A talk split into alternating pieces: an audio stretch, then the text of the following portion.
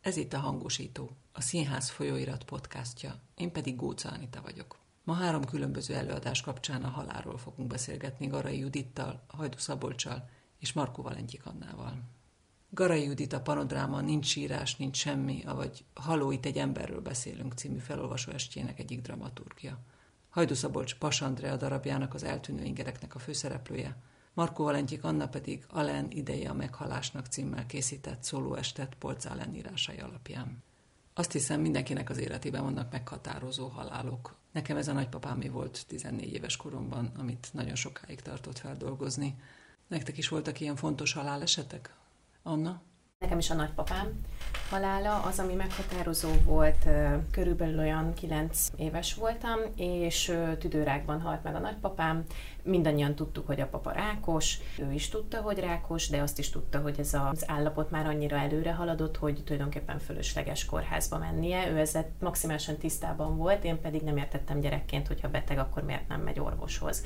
Ez volt az első pont, ami, ami, ami nekem ilyen nagyon konkrét élmény. Aztán, ami nagyon konkrét élmény, az a halála. Házi állatok, óriási kert, mezőgazdász volt a nagypapám, és érezte, hogy ez lesz az a nap, úgyhogy elküldte a mamát, lekaszálta a füvet, nálunk is, náluk is megetette az állatokat, fölvette a szép ruháját, és lefeküdt az ágyra, és meghalt.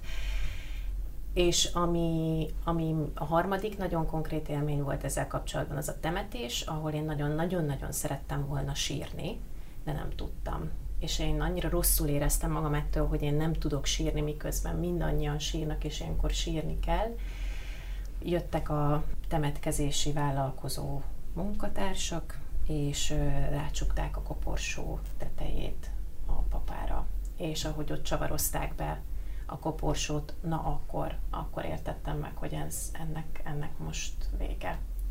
És onnantól kezdve tudtam sírni. Visszajöttek ezek az emlékek felnőttként is? Akár Persze. Most, amikor készültél erre Persze egyfajta motiváció, mert időközben a másik nagypapám is meghalt egy teljesen más módon, kórházban, kómába esve, messze az otthonától, miközben egy rutinműtét volt. Ja, szóval, hogy egy te- teljesen más haláleset volt a kettő, egyiket sem értettem annyira. Vagy azt éreztem, hogy nincs hozzájuk kapaszkodom, nem, nem tudok viszonyulni hozzájuk, keveset tudok erről a dologról, és úgy éreztem, hogy körülöttem mindenki keveset tud és akkor gondoltam, én szeretnék egy kicsit többet tudni. Judit? Nekem az egyik nagymamám és a másik nagypapám is viszonylag kicsi voltam, amikor meghalt, de úgy elmúltak ezek a dolgok, mert nem, nem volt velük szoros viszonyom.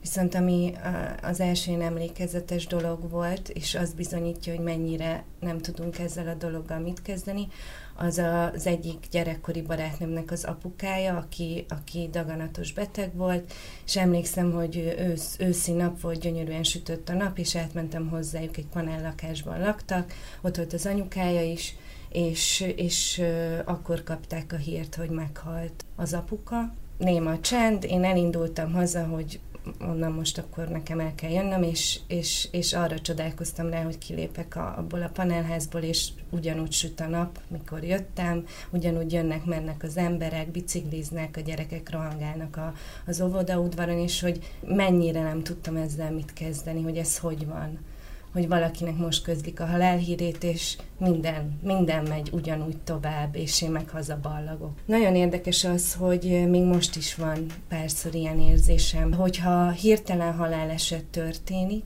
ezzel annyira nem lehet mit kezdeni. Tehát most például, amikor a térei halálhírét megkaptuk egyik reggel, és mindenki valahol éppen volt, vagy a reggeli kávéját itta, vagy, vagy az utcán volt épp, vagy ment dolgozni, vagy nem tudom, próbált, hogy valami. Szóval, hogy ez mi? Szabolcs?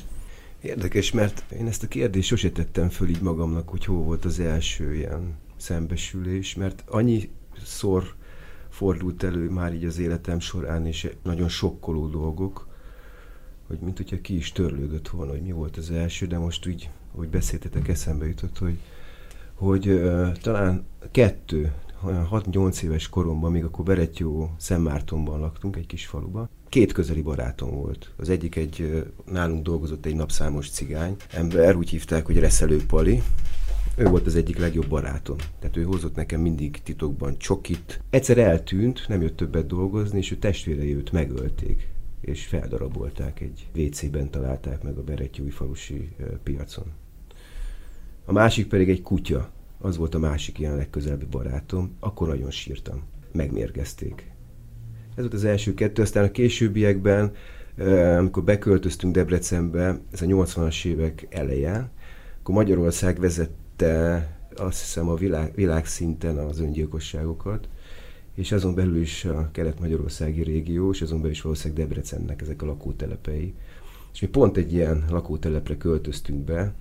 Tulajdonképpen ott nekem az iskolában menet az folyamatosan arról szólt, hogy mikor potyan le egy ember mögöttem vagy előttem a, a tizedikről, hatodikról, nyolcadikról. Szinte ilyen átlagos volt már.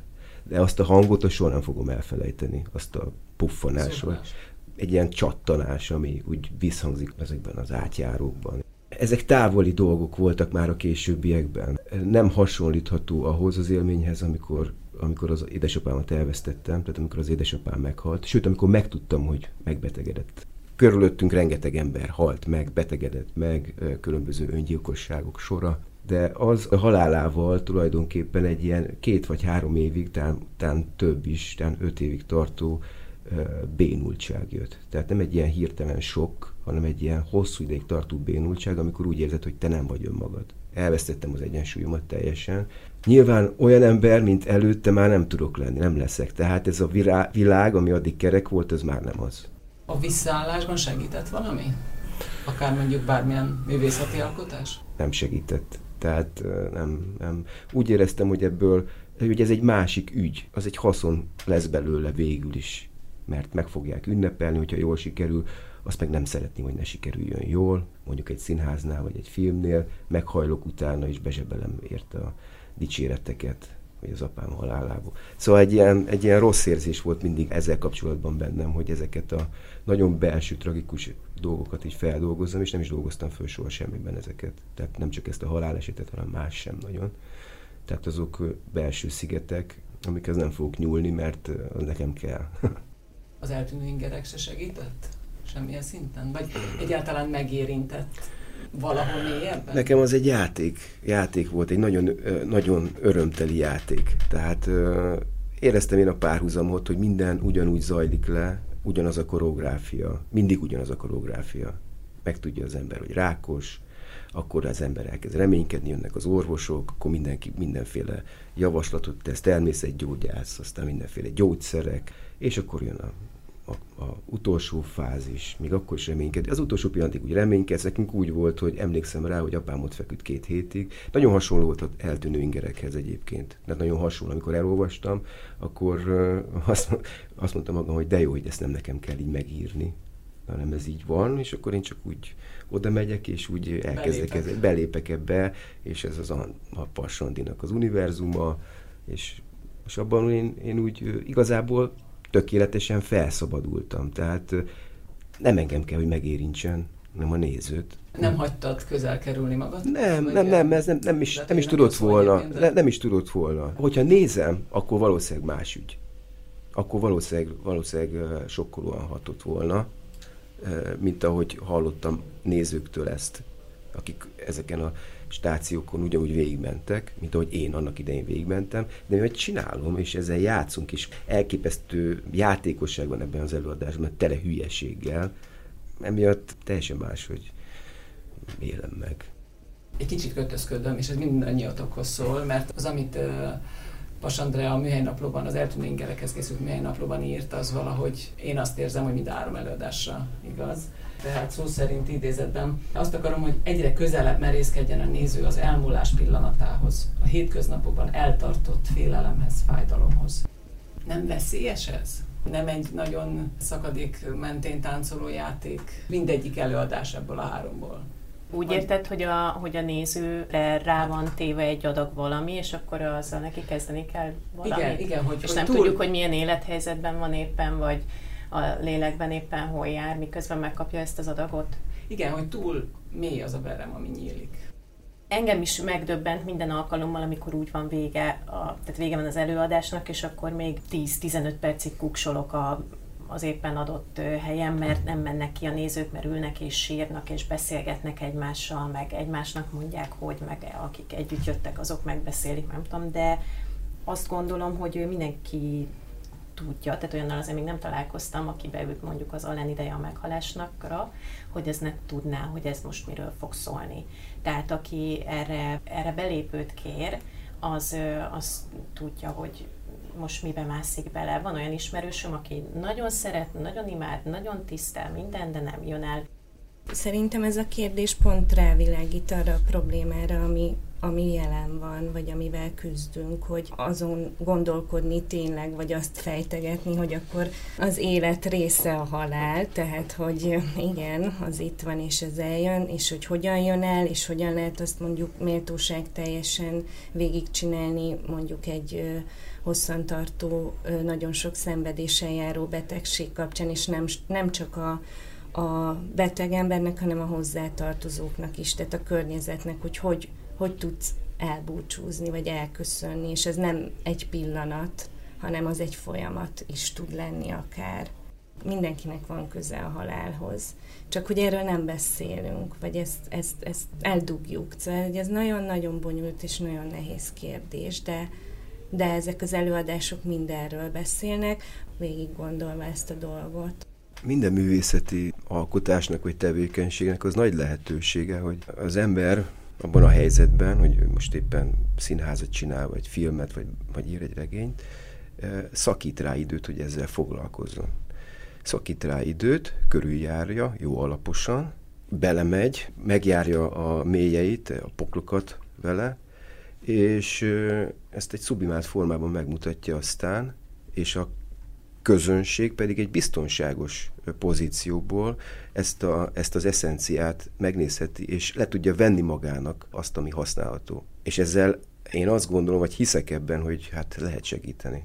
Nagyon lehet, mert az ember nem lát rá a saját életére. Vagy hát nagyon nehezen látsz rá.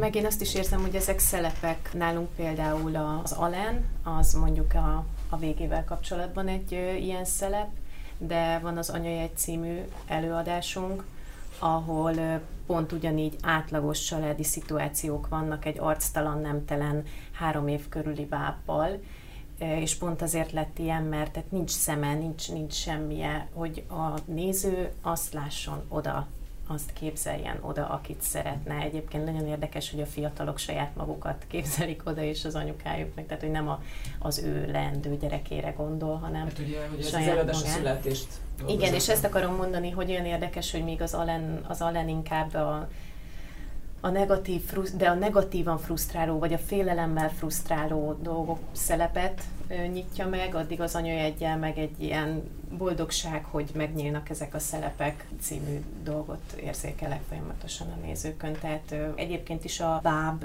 műfaj, vagy hát legalábbis mi azt tanultuk az egyetemen, ugye a vásári játékok, azok mindig is így működtek, és alapvetően felnőttek szóló előadások voltak, aztán itt megragadt ott főleg nálunk Magyarországon gyerek színházi műfajnak ez a dolog, holott nem az, de oda akarok kanyarodni, hogy ezek mindig is társadalmi szelepek voltak, ezek a vásári játékok, tehát hogy a, az éppen aktuálisan nem kimondható, valahogy nem, nem tudjuk, hogy hogy reagáljunk egy társadalmi szituációra, egy helyzetre, egy viszonyra, akkor megnéztek egy ilyen játékot, és akkor nagy hahotázásokkal, nagy bőgésekkel kijött valami, és beindult a kommunikáció a nézők között.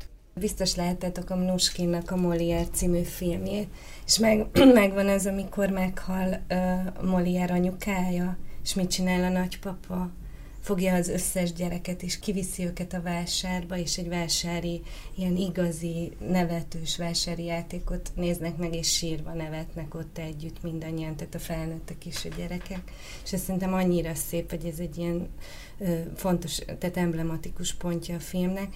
De hogy a mi előadásunkkal kapcsolatban, ami ugye három éve volt, és egy felolvasó színházi előadás volt, a Nincs írás, nincs semmi, Ugye ez egy speciális forma, mert verbatim színházi előadás, tehát interjúkból készült felolvasó színházi előadás volt, illetve blogbejegyzések, utcaemberek kérdéssor, stb. stb. Ezt a Hospice alapítványjal közösen együtt csináltuk, és hogy ott én meg azt éreztem, hogy az segített annak, aki erre nyitott volt, hogy, hogy olyan hétköznapi emberek, mint ők ott a nézőtéren. Ők beszélnek nyíltan arról, hogy hogy, hogy, hogy élték meg a, a betegségüket, már mint amikor megtudták, vagy hogy élték meg azt, hogy, hogy végig kellett kísérni a haldoklás útján az anyukájukat, vagy, vagy hogyan beszél egy nővérke erről az egész helyzetről, ami ma van az egészségügyben, vagy az orvos hogyan beszél arról, hogy mi a probléma az orvos-beteg kommunikációban, és ő amikor becsukja az ajtót és kiment a páciens, akkor ő is ugyanúgy akár összeomlik, vagy miért kell hazudnia, vagy nem tudom, mert milyen, milyen élmények érték eddig, és azt ő soha többet nem akarja átélni, vagy mennyire pontosan és tisztán tud, tudja megmondani egy-egy betegnek, hogy miről van szó. Szóval, hogy, hogy ez, a, ez a, az interjú és ez az élő beszéd a színpadon, ez, ez azt gondolom, hogy, hogy, hogy sokszor segíthet, már mint hogy ennek az előadásnak az esetében ez egy fontos visszajelzés volt sokak részéről. Ehhez a hatáshoz ez az álszerkesztetlenség, változatlanság is hozzájárul? Lehet, lehet, hogy az, hogy, hogy a maga nyelvtani ügyetlenségével, vagy az élőbeszédnek mindenfajta ügyetlenségével, mert ez a műfaj ezt követeli meg, tehát nem lehet átírni, vagy megváltoztatni mindig közben alakul, hogy mik azok, mik azok a motivumok, amiknek mindenképpen bele kell kerülnie, mik azok, amik ö, nagyon izgalmassá teszik egy-egy ponton, és a humor az például nagyon fontos. Annyira csodálatos interjú alanyaink voltak, és annyira vicces dolgokat is mondtak. Igazából a hospice kaptunk 15 interjút, és pont azért interjúztunk még, hogy maga a humor is megjelenjen, vagy ez az önirónia, vagy az élet és halállal kapcsolatos abszurditás, ami meg mindig jelen van. Ugye a parókával kapcsolatos igen, viccek igen. például. Például az, hogy el kell menni és venned kell, ha, ha úgy döntesz, hogy a parókát szeretnél hordani, akkor elmész egy parókaboltba, és egy anya-lánya elmesélték nekünk egy interjúban, hogy mennyit halára röhögték magukat közben, hogy milyen parókát választanak majd az elkövetkezendő pár hónapra. Jó, hogy a humort mindannyian szóba hoztátok, de azért a fizikai fájdalom maga, meg a, a test halála lépegetés a halál felé, az nagyon erősen jelen van. Szabolcs, neked ez mennyire volt nehéz szakmai kihívás? A próba folyamat alatt én végig erre figyeltem, hogy vajon meg tudom-e csinálni úgy, ahogy én belül azt érzem. Ki tudom-e fejezni színészként, akár testtel, akár intonációval, hanggal, amit egyszer elkaptam a próbán, az vajon visszaidézhető-e, rekonstruálható-e előadásról előadásra. A mai napig ez félelmem. Havonta egyszer játszuk, ez nagyon bonyolult dolog oda visszatalálni. És sok aprósághoz visszatalálni, ami már egyszer megvolt, és azokat összeszedegetni, összekapirgálni, elő, és csak agyba tudja az ember, mert próbákra ebben a jó kis független színházi szisztémában nem nagyon van lehetőség. De egyébként, amikor ezt elkapod, akkor a testedben érzed tényleg azt, hogy a körülötted lévő világot elengedi a test? Én azt gondolom, hogy mindenkiben, bennem is minden megvan. Minden megvan, ami egy emberrel megtörténhet. Minden. Valahol meg kell találni. Bennem van a betegség, a gyilkos ösztönök, az aljasság, a szentimentalizmus, tehát minden rész ott van valahol, és egy próba folyamat az arról szól, hogy ezeket az ember magában így megtalálja, és valahogy kell tudni felszínre hozni és megmutatni annyit, amennyi ahhoz az előadáshoz vagy történethez tartozik. Igen, megvan mozgásban is, megvan az agyvérzés is. El tudom képzelni az agyvérzésnél, hogy mi történik a testtel. El tudom képzelni, abszolút. És hogyha ezt én nagyon intenzíven elképzelem, akkor a testre én kivetítem. És az megjelenik, csak, csak nem mindig jön tehát én mondom, ez az izgatottság, ez minden előadás előtt bennem van, hogy vajon csak egy halvány utánzat lesz, vagy megpróbálom visszarekonstruálni, és csak így lemozgásnak fog tűnni, mert hogy nem jön elég intenzitással és erővel elő, és akkor az ember olyankor elégedetlen, és hullámzóan jön elő, nem pedig egy, egy teljes nagy folyamaton keresztül, hanem csak időnként, mondjuk egy előadáson belül, és akkor olyan, mint hogy az ember így torpedózgatna egy célt, és időnként úgy, úgy közelíti, közelíti, egyszer-egyszer beletalál. És valamikor pedig az elejétől kezdve egy nagy folyamat elindul, és akkor utazás. Minden elő, előadásnak, mint hogy a filmeknek is, van egy dinamikai tartománya, és az nem árt, hogyha az ember tudja, hogy mi a legalja, és mi a legteteje, és ez hol helyezkedik el a történetben.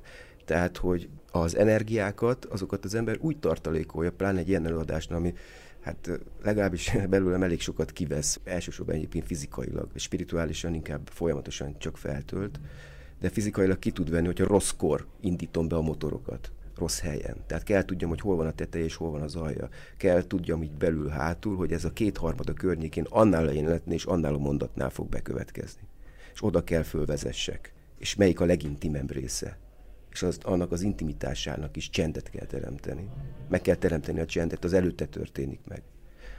Ezt előre kell tudni. Nem ész nélkül csinálom. Eleinte 20 évesen színészként ész nélkül csináltam, és sok volt a sérülés. Kiment a bokám, levágtam az ujjamat, elment a hangom, előadás közepén dölt rólam a víz, már nem volt energiám a második felére, és akkor azt hittem, hogy valami történt, megcsináltuk. Judit, nálatok a fájdalom az mennyire volt fontos, hogy az ott legyen? A fizikai? Nekem olyan érdekes volt azzal szembesülni, mert én akkor értem először a, a hospice-ban, hogy a fájdalmat azt, azt lehet csillapítani, de tényleg lehet.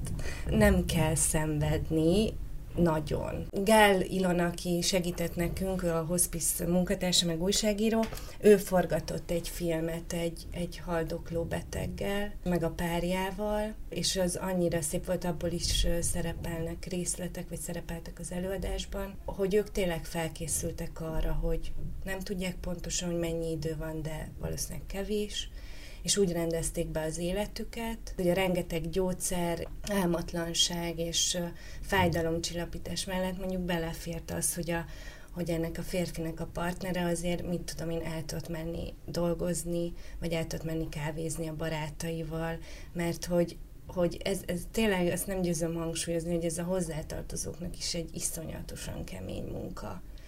És én emlékszem arra, hogy amikor már nagyobb voltam, és volt mellettem egy, egy haldokló ember, és ezzel nem tudtam mit kezdeni, mert hogy én tényleg nem, nem, nem értettem ezt az egészet, és az a lelkiismert furdalás, amiből abból, abból adódik, hogy meghalt valaki, és megkönnyebbülök, mert hogy addig csak azt gondoltam, hogy csak az van, és én nem vagyok, és, és, és, és, és úristen, mit kezdek, ez, ez rémes hogy beledög lesz ebbe a legkismert fuddalásba, hogy nagyon fáj, de fellélegzel. Szerintem erre kell még nagyon figyelni, vagy én ezt tapasztaltam, hogy mi az igénye annak az embernek, aki éppen ebben a helyzetben van. Tehát, hogy akar róla beszélni, nem akar, tehát, hogy nagyon oda kell figyelni, és hogyha meg te nagyon közeli hozzátartozó vagy, akkor viszont te is mondd el, hogy te, te szeretnél erről beszélni, vagy nem szeretnél, tehát hogy, hogy, hogy mind a ketten tudjátok azt, hogy mire van szükségetek, és merjétek elmondani a másiknak. Ebben az előadásban egyébként ez nagyon szépen benne volt egy-két ilyen páros interjúban, hogy ez hogy működik. Az Alen ideje a meghalásnakban nem egy szélsőségesen rossz helyzetben lévő nőt látunk, hanem egy megöregedő nőt, akinek mentálisan el kell fogadnia, hogy itt a vég mivel a forma báb, és ez úgy néz ki, hogy a derekamra van rögzítve a, az idős női felsőtest, a lábunk ugye közös, én pedig folyamatosan ott vagyok, és mint a benne lévő fiatal, vagy néha mint egy segítő, vagy én vagyok egy fiatal, akivel az idős foglalkozik, szóval nagyon sok viszonyban vagyunk folyamatosan. Soha egy pillanatra sem engedhetem meg magamnak, hogy bármifajta hullámra fölüljek, mert folyamatos kontroll alatt kell tartanom magamat, és magammal együtt azt, akit mozgatok. Ez egy fizikális kontroll, és egy mentális kontroll is. Azt szoktuk mondani, meghallottam is már ezt, hogy ide bent égni, itt fönt meg hideg, jéghideg észszel, és folyamatos kontroll alatt és tudatosan. Egyébként ez a forma, a derekadra kötött báb az közben alakult ki? Nem, Vagy nem, pedig ez már egy előre eldöntött? Az egy teljesen tudatos volt. Megmondom őszintén, bár ugye pályakezdőként még ilyen dolgokat így nem szabad mondani, de én azt gondolom, hogy azok a jó báb előadások, amikor a báb műfajának választására, vagy a forma választására nem az a válasz, hogy mert báb színházba jöttünk, vagy mert báb előadást akarok csinálni, hanem miért nyúlok ahhoz a bábhoz, miért választom a kesztyűs technikát, a marionettet. Az előadáshoz ez mit ad hozzá, nem csak látványban, de az is egy fontos kérdés, hanem, hanem jelentésében mit ad hozzá. Tehát azt éreztem, hogy ha én erről a témáról szeretnék beszélni, egyébként ezek ilyen külön-külön sávokon voltak. Egyrészt érdekelt ez a téma, másrészt nagyon-nagyon érdekelt ez a technika, hogy én tudom ezt működtetni, hogy kiegészülünk, szétválunk, lemegy rólam, ide teszem, oda átforgatom az én lábam, de az ő lába közben ki van vágva a szája, tehát folyamatosan mozgatnom kell az ő száját is. Tehát, hogy egy folyamatos, nagyon pontos ritmusjáték is ez, és fizikailag megerőltető, tehát egyszer például duplát játszottam belőle, és hát a második előadás végén éreztem, hogy a báb görcsöl, begörcsöl a kezem, miközben mozgatom a száját, és csak reménykedni tudtam, hogy a következő kézváltásnál nem az lesz, hogy ott marad görcsben a, a kézfejem, mert hogy utána azzal még így kell dolgozni a színpadon, de hogy az tuti volt, hogy, hogy erről a témáról, ebben a, a mondani valóval, ami engem érdekel, ezzel a báb technikával messzebb juthatok, mintha választottam volna egy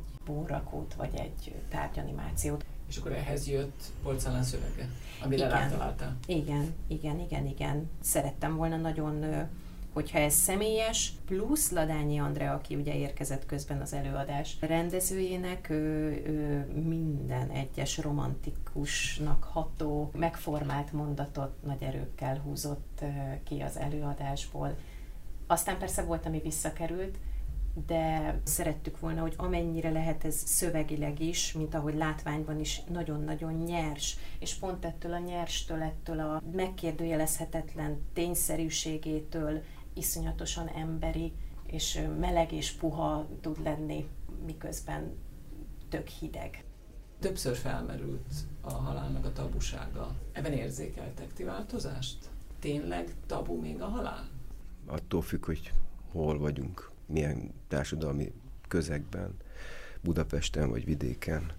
Mert nálunk például az én édesapám úgy halt meg, hogy egy szó nem esett arról, hogy ő meg fog halni az utolsó pillanatig arról volt szó, hogy meg fog gyógyulni. Arról persze szó esett, hogy beteg, és hogy mi történik vele, de amíg el nem vesztette az eszméletét az utolsó stádiumig, addig vele egyáltalán nem beszéltünk erről, ő sem, és mi családilag, testvérek, édesanyám, rokon, senki. Az utolsó pillanatig. Az ilyen előadások nyilván kicsit így, így ezt így megnyitják ezeket a, a kommunikációs kapukat, vagy hogy hívják, ajtókat. Csatornákat. Csatornákat, igen, ezt kerestem. Lehet, hogy van olyan, szerintem, aki egy-egy ilyen előadást végignéz, hogy évekkel később nézi ezt meg, és utána beszéli meg a családtagjaival egy ilyen előadás hatására, ami addig teljesen kibeszéletlen volt. És lehet, hogy a következő körben már egy más, más, más attitűddel megy neki, mert nyilván egy ilyesmi az ember életében nem egyszer fordul elő, hanem sokszor sokszor. Nagyanyám 98 éves, mindenkit eltemetett már. A vejeit is, az összes testvérét, mindenkit. Eszméletlen, hogy pár évtized alatt, pár generáció alatt mennyire elfelejtettünk elbúcsúzni a személyektől személyesen, hogy a természetességét is elfelejtettük a dolognak, iszonyatosan misztifikáljuk, távol tartjuk, ne lássuk, semmit, se a leépülés, sem, a, sem amikor megtörténik a pillanat, nem is, nem is találkozunk már vele csak a temetésen, akkor meg nem merjük már megnézni, tehát hogy egyszerűen a generációkkal egyre-egyre távolabb kerülünk, és és nekem, nekem ez a fájdalmam, hogy, hogy, hogy ez, ez tabú, hogy ez az utolsó pillanat, ekkora távolságból, hogy, hogy lehet mégis egy személyes búcsú. Szerintem ebben nem történik semmi. Az tabu, vagy közel van a tabuhoz, és mind a ketten erről beszéltetek, hogy, hogy felkészülés erre. Tehát az előtte lévő folyamat, annak az ideje, azzal nem akarunk szembenézni. Hát meg maga a gyász. Tehát, hogy ez is olyan érdekes, hogy, Ugye ez nem véletlen, hogy volt egy olyan szokás, hogy egy évig hordott valaki gyászruhát. Nincs ilyen már. Nem csak arra gondolok, hogy ezt így hangosan, folyamatosan kimondani, hanem magamban. Tehát, hogy ezt, ezzel szembesülni, hogy igen, az az ember el fog menni, meg fog halni, és én itt fogok maradni. És én ezt hogy élem meg, és hogy, hogy mit kezdek ezzel majd utána. Bennem is van, és szerintem sok mindenkiben van egy tartás attól, hogy hogy, hogy hogy fogalmazod meg ezt művészileg. Pláne úgy, hogy szerintem, hogyha az ember bekapcsolja a tévét, akkor zsinórban csak halál, halál, halál. Minden filmben, a szuperhős filmektől kezdve, még az ilyen egyszerűbb kis bigjátékokból is biztos meghal valaki egy adott ponton. Polcelennek egyébként van Igen. erre egy idézete, hogy hát nem csak a gyerekekre, nyilván csak abban a szövegkörnyezetben most pont onnan közelített, hogy a gyerekekre tulajdonképpen özönvízként zúdul rá a folyamatos agresszív halál látványa, és pont ettől teljesen immunisak erre az eseményre, viszont semmit nem tapasztalnak a természetes folyamatáról. Igen. Én emlékszem arra a pillanatra, amikor már két hete ott feküdt, és úgy telt az idő, mint hogyha tehát amikor nincs nappal, nincs éjszaka, és ott mindenféle dolgokat olvasunk, hogy, hogy hogy lehet ezt megkönnyíteni neki, és akkor egy rezsónot anyám forralta a levendulát, vagy melegítette, mert állítólag az megnyugtatja, mindenfélét kitalált.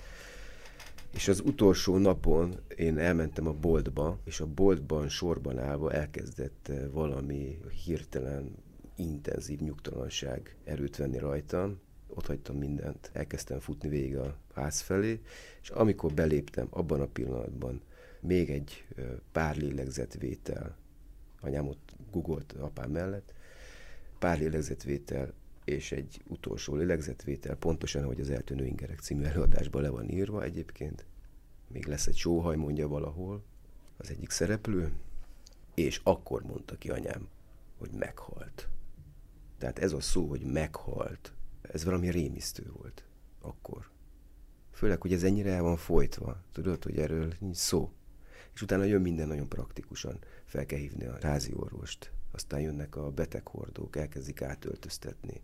Minden nagyon közömbös, tulajdonképpen mindenki nagyon közömbös, akárhogy is próbálja eljátszani a, a, a részvétet. Látszik a tekintetén, hogy semmi ilyesmi nincs benne.